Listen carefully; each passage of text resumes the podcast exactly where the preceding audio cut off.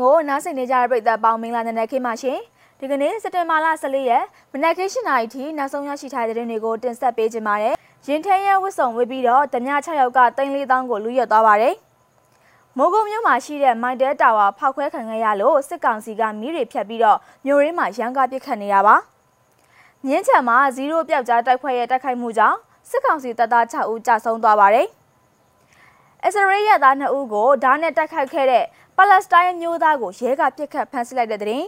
စားတဲ့ပြည်တွင်းနဲ့နိုင်ငံတကာသတင်းတွေကိုတင်ဆက်ပြီးတော့မှာပါ။ပဲခူးတိုင်းဒေသကြီးအင်းနဂုံမြို့နယ်နားမှာမနေ့ကနေ့လယ်ကဖြစ်ပွားခဲ့တဲ့ငွေကျပ်3,000တမြတိုက်လူရဲမှုမှာ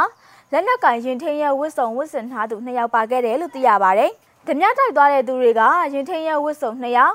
အရက်ဝင်းတွေက4ယောက်ဖြစ်ပြီးတော့လက်နက်2လက်ပါပါတယ်။ အားလုံး6ယောက်ဖြစ်ပါတယ်။ပဲခူးမြို့အေယာဝတီဘဏ်ကနေတည်ယူလာတဲ့ငွေတွေကိုအင်းဒဂေါ်မြို့နဲ့တာယာကုန်းကြားမှာမနေ့ကနေ့လယ်ပိုင်းအချိန်ကလူရက်သွားခဲ့တာပါ။ဒီတပြားမှုဖြစ်ပြီးတဲ့နောက်မှာတော့ပဲခူးမြို့အတွင်းနဲ့ဝင်းဘော်တိတ်ဂိတ်တွေနားမှာစစ်ကောင်စီတပ်ဖွဲ့ဝင်တွေကပိတ်ဆို့စစ်ဆေးမှုတွေပြုလုပ်နေရပဲဖြစ်ပါတယ်။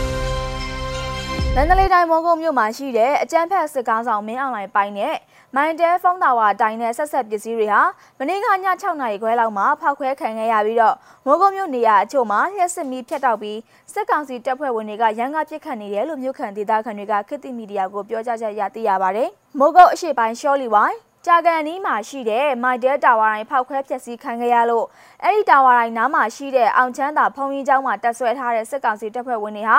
စစ်ကားတွေနဲ့ထွက်ခွာပြီးတော့ပြစ်ခတ်တံတွေထွက်ပေါ်လာတာပါအဲ့ဒီနောက်မှာတော့ဒေသခံလူငယ်လေးဦးကိုဖမ်းဆီးခေါ်ဆောင်သွားတယ်လို့ဒေသသတင်းရင်းမြစ်တွေရဲ့ဖော်ပြချက်ရသိရပါတယ်မန္တလေးတိုင်းမြင်းချက်မြို့ရှိဘက်ချမ်း ရုံထိုးထိန်ပင်လမ်းမပေါ်မှာဆိုင်ကယ်တွေနဲ့ကင်းလှည့်နေတဲ့စစ်သားတွေကိုဇီရိုပျောက်ကြားတိုက်ဖွဲကအဝေးထိန်စနစ်နဲ့မိုင်းခွဲတိုက်ခိုက်မှုကိုမနေ့ကညနေ၄နာရီခွဲခန့်ကပြုလုပ်ခဲ့ပြီးတော့အဲ့ဒီတိုက်ခိုက်မှုမှာစစ်သား6ဦးသေဆုံးခဲ့တယ်လို့သိရတာပါ။ကင်းမြန်းလှည့်နေကြတာဆိုင်ကယ်၅စီးနဲ့တစ်စီးကိုနှစ်ယောက်စီလှည့်ကြပြီးတော့အပြန်မှာကျွန်တော်တို့ဘက်ကအဝေးထိန်ပုံစံနဲ့မိုင်းနှလုံးကိုနှစ်ထပ်ဆင့်ခွဲခဲ့တာပါ။သူတို့ဘက်က6ယောက်သေးတယ်။ ကျန်တဲ့မထိတဲ့သူတွေကတော့အဲ့ဒီနားမှာမဲမဲမြင်ရကိုရမ်းတမ်းပြီးတော့ပြစ်သွားတယ်လို့ဇီရိုပျောက်ကြားတပ်ဖွဲ့ခေါင်းဆောင်ကမြူးစီမတ်ကိုပြောကြားခဲ့တာပါအဲ့ဒီတိုက်ခိုက်မှုမှာဆိုင်ကယ်၃စီးထိခိုက်ခဲ့သလိုအကြမ်းဖက်စစ်ကောင်စီတပ်သား6ဦးသေဆုံးပြီးတော့ထိခိုက်မှုမရှိတဲ့ဆိုင်ကယ်2စီးနဲ့စစ်သား၄ဦးမှာတော့လွတ်မြောက်သွားခဲ့တာပဲဖြစ်ပါတယ်ရှင်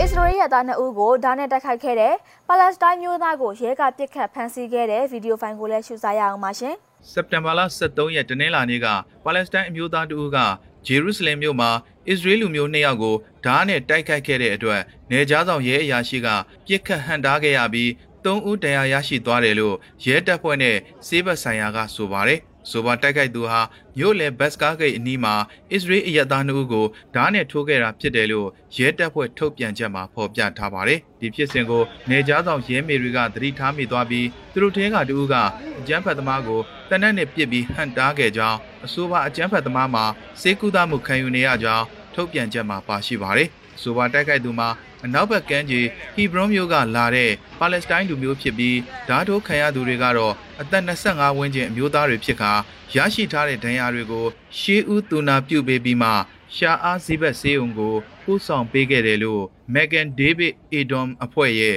စေဝန်ထမ်းတွေကပြောပါတယ်စက်တင်ဘာလ14ရက်မနက်ခင်း7:00နာရီထိနောက်ဆုံးရရှိခဲ့တဲ့သတင်းတွေကိုတင်ဆက်ပေးခဲ့တာပါ။နားဆင်ပေးခဲ့တဲ့အတွက်ကျေးဇူးတင်ပါတယ်။အားလုံးပဲတာယာလှပတဲ့မနက်ခင်းလေးကိုပိုင်ဆိုင်ကြပါစေရှင်။